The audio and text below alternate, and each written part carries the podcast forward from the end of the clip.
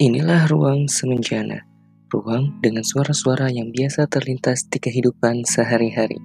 Selamat mendengarkan.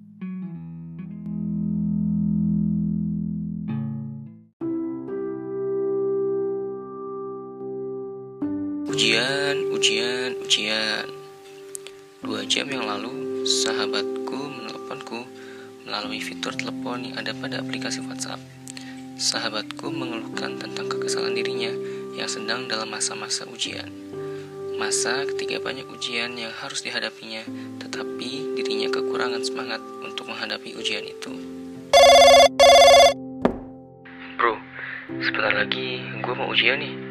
Tapi nggak tahu kenapa gue nggak ada semangat buat ngerjain ujiannya. Kenapa bisa nggak ada semangat gitu? Kurang tahu juga gue bro. Lah, kok nggak tahu penyebabnya? Hmm, karena lelah aja kali. Soalnya udah banyak tryout yang gue kerjain. Tapi pas lo ngerjain tryout itu rasanya gimana?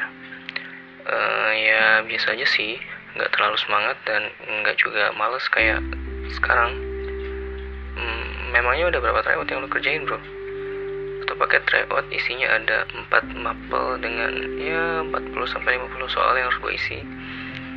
Wow, banyak banget bro. Kalau gitu sih kemungkinan lo lagi capek aja karena ngerjain banyak soal. Mending istirahat dulu, kumpulin semangat lagi buat ngerjain ujian.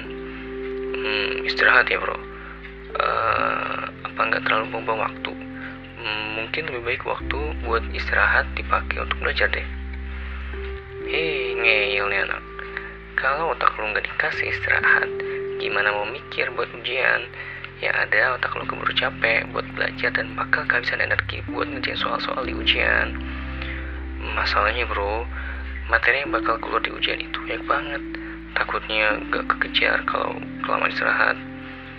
Ya istirahatnya gak usah lama juga, secukupnya aja. Itu mah lo yang tahu. Seberapa lama waktu buat istirahat.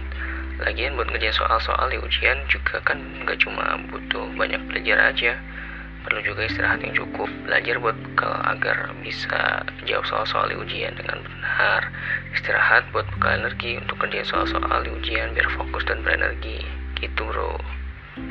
Oke deh bro. Gue istirahat dulu ya. Bye bye thank you